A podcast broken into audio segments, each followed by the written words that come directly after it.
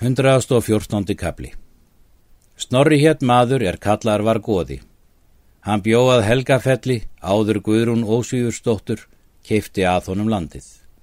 Og bjóð hún þar til elli, en Snorri fór þá til Kvamsfjardar og bjóð í Sælingsdalstungu.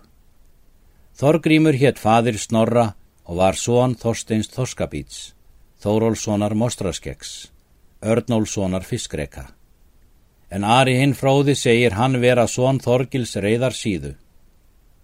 Þórólfur mostrarskegg átti ósku dóttir Þorsteins hins rauða.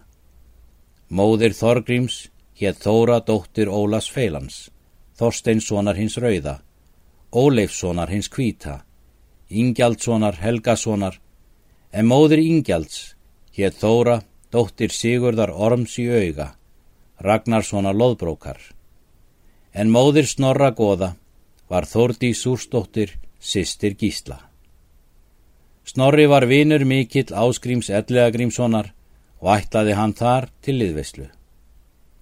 Snorri var vitrastur maður á Íslandi, þeirra er eigi voru forspáir. Hann var góður vinum sínum en grimmur óvinnum. Í þennan tíma var þingreið mikil úr öllum landsfjörðungum og höfðu menn mörg mál til búinn.